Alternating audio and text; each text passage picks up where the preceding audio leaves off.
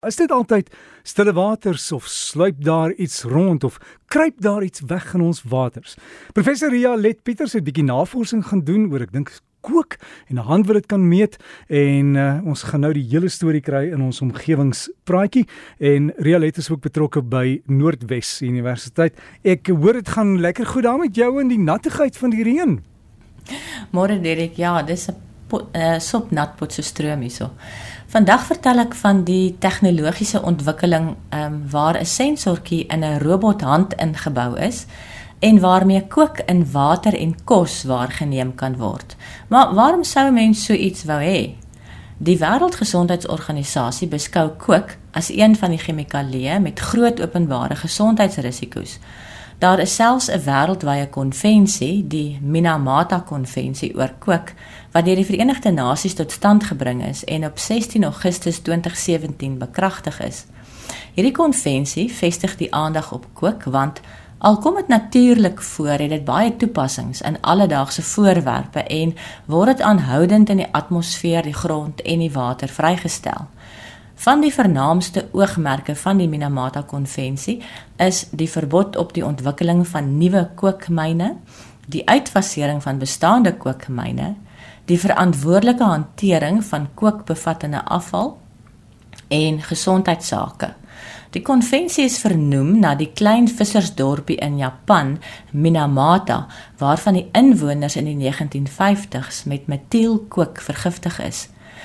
Die chemiese maatskappy Chisu het groot hoeveelhede kookbevattende afvalstowwe in die see gestort en die seelewe vergiftig.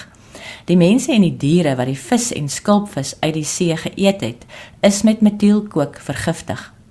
Hulle het gevoel in hulle ledemate en lippe verloor en rukkings ontwikkel. Hulle het begin sukkel om te loop en daar was breinskade. Kook affekteer onder andere die senuweestelsel. Kinders is met misvormde ledemate en verstandelike gestremdheid gebore en hulle was blind en doof. Volgens die Japaneese Ministerie van Omgewingsake se konservatiewe skatting wat eers in 2013 vrygestel is, is daar amptelik 3000 mense met wat vandag bekend staan as die Minamata siekte gediagnoseer. Maar kom ek keer nou eers terug na die robothand met die kooksensortjie. Dit is ontwikkel deur Signa Roy Bamen en haar kollegas van die Nasionale Tsinghua Universiteit in Taiwan.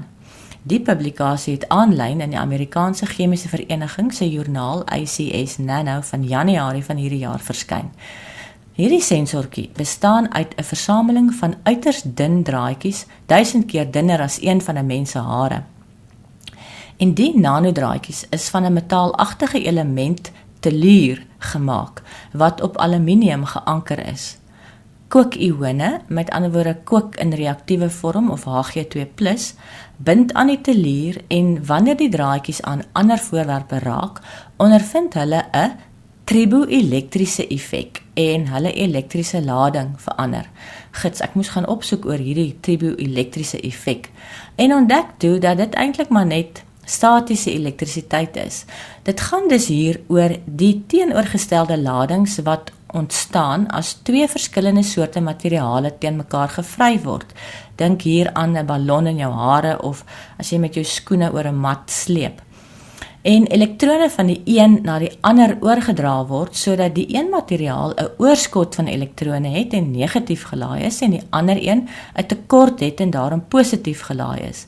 En wanneer dieselfde twee materiale weer bymekaar kom, is daar ontlading of die herstel in die verspreiding van elektrone wat met 'n vonkie gepaard kan gaan.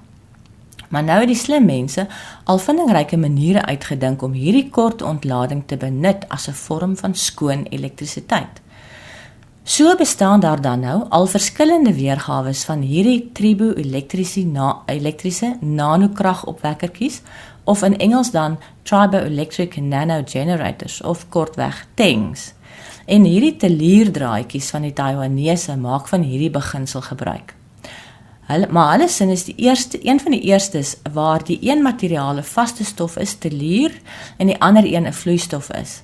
In hierdie geval vloei daar nie net 'n stroom in 'n stroombaantjie nie, maar word die grootte van die stroom beïnvloed deur die hoeveelheid kookione wat aan die telierdraadjies adsorbeer en so kan die konsentrasie van die kookione in water en voedsel bepaal word. Die sensortjie is dan aan die binnekant van die voorvinger van 'n robothand vasgeplak. En die elektriese sein is weer via Bluetooth funksie van die klein stroombaantjie wat op die agterkant van die hand gedruk is oorgedra na 'n rekenaar wat dan die sein interpreteer.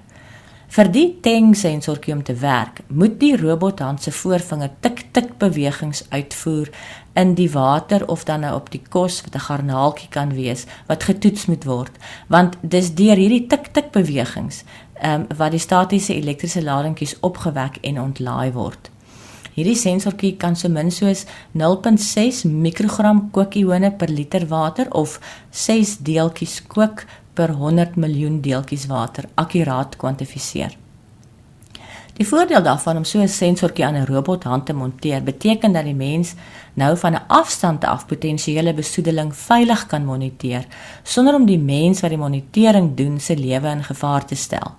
Die idee is om nou sensors wat spesifiek is vir verskillende ander besoedelstowwe aan elkeen van die ander vingers vas te plak sodat die konsentrasies van ook ander stowwe op hierdie manier gemeet kan word. Daar het al baie navorsing oor kook in die Suid-Afrikaanse omgewing verskyn en ek noem nou maar net so 'n paar wat onlangs gepubliseer is. Verskeie daarvan deur kollegas van my hier aan die NWU gepubliseer. So is een van die publikasies van Prof Henk Bouman onlangs aanvaar om in Marine Pollution Bulletin te verskyn en daarin rapporteer hy en medewerkers die kookvlakke in 3 dolfynspesies. En net vir die luisteraars ontstel raak oor die gebruik van hierdie mooi marine soogdiere ter wille van navorsing, wees gerus. Hierdie dolfyne is per ongeluk die prooi gewees van die haainette om die KwaZulu-Natal se kus. En in plaas daarvan om hulle onnodige dood net een groot verlies te laat wees, is hulle oorblyfsels gebruik om te toets vir onder andere kook. Op hierdie manier kon vasgestel word wat die grootte van die kookvlakke in die spierweefsel van die diere is en so probeer om meer te wete te kom oor die besoedeling waaraan hierdie diere blootgestel is. Die hoogste konsentrasie was 29 mg per kilogram droë massa. In 'n ander studie wat verlede jaar ook in Marine Pollution Bulletin verskyn het, deur nog ander kollegas van my, Dr. Hannes Erasmus en medewerkers, Hulle het getoets vir kookvlakke in haie, rogge en vleete of dalk beter bekend as reis en skuits. Die hoogste gemiddelde vlakke wat hulle gevind het was 17.8 mg per kilogram droë massa. Suid-Afrika is een van die top 10 lande as dit kom by die vrystelling van kook aan die atmosfeer, wat gewoonlik te wyte is aan die steenkoolkragstasies uh, of ook sementvervaardiging en dan nou die onwettige myners wat nog kook gebruik om goud uit erts te haal en kook hoop op in die voedselweb soos wat dit uh hoër op in die trofiese vlakke beweeg.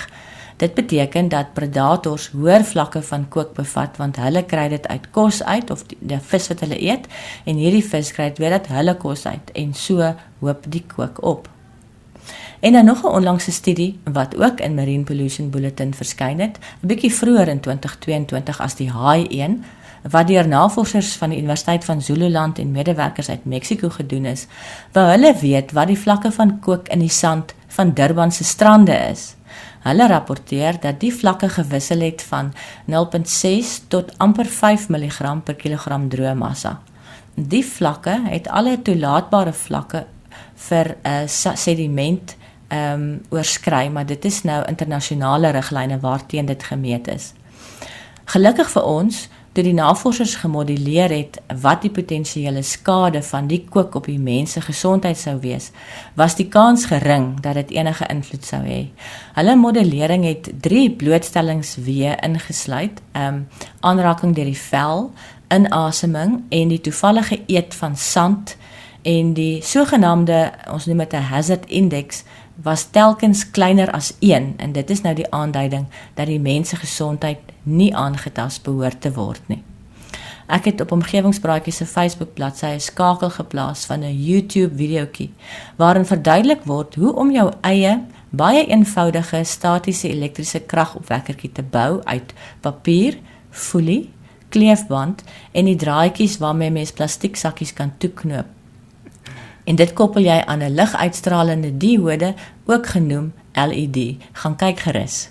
Ons gaan dit beslis probeer. Jalet Pieters daar met ons omgewingspraatjie en gaan loer op die breakfast bladsy en ook omgewingspraatjie hulle het hulle Facebook bladsy en as jy wil kontak maak kan jy dit daarvan af doen en probeer dit en professor Jalet Pieters is ook beskikbaar uh wel ek sê nie beskikbaar nie maar betrokke by Noordwes Universiteit baie studente daar ken haar baie goed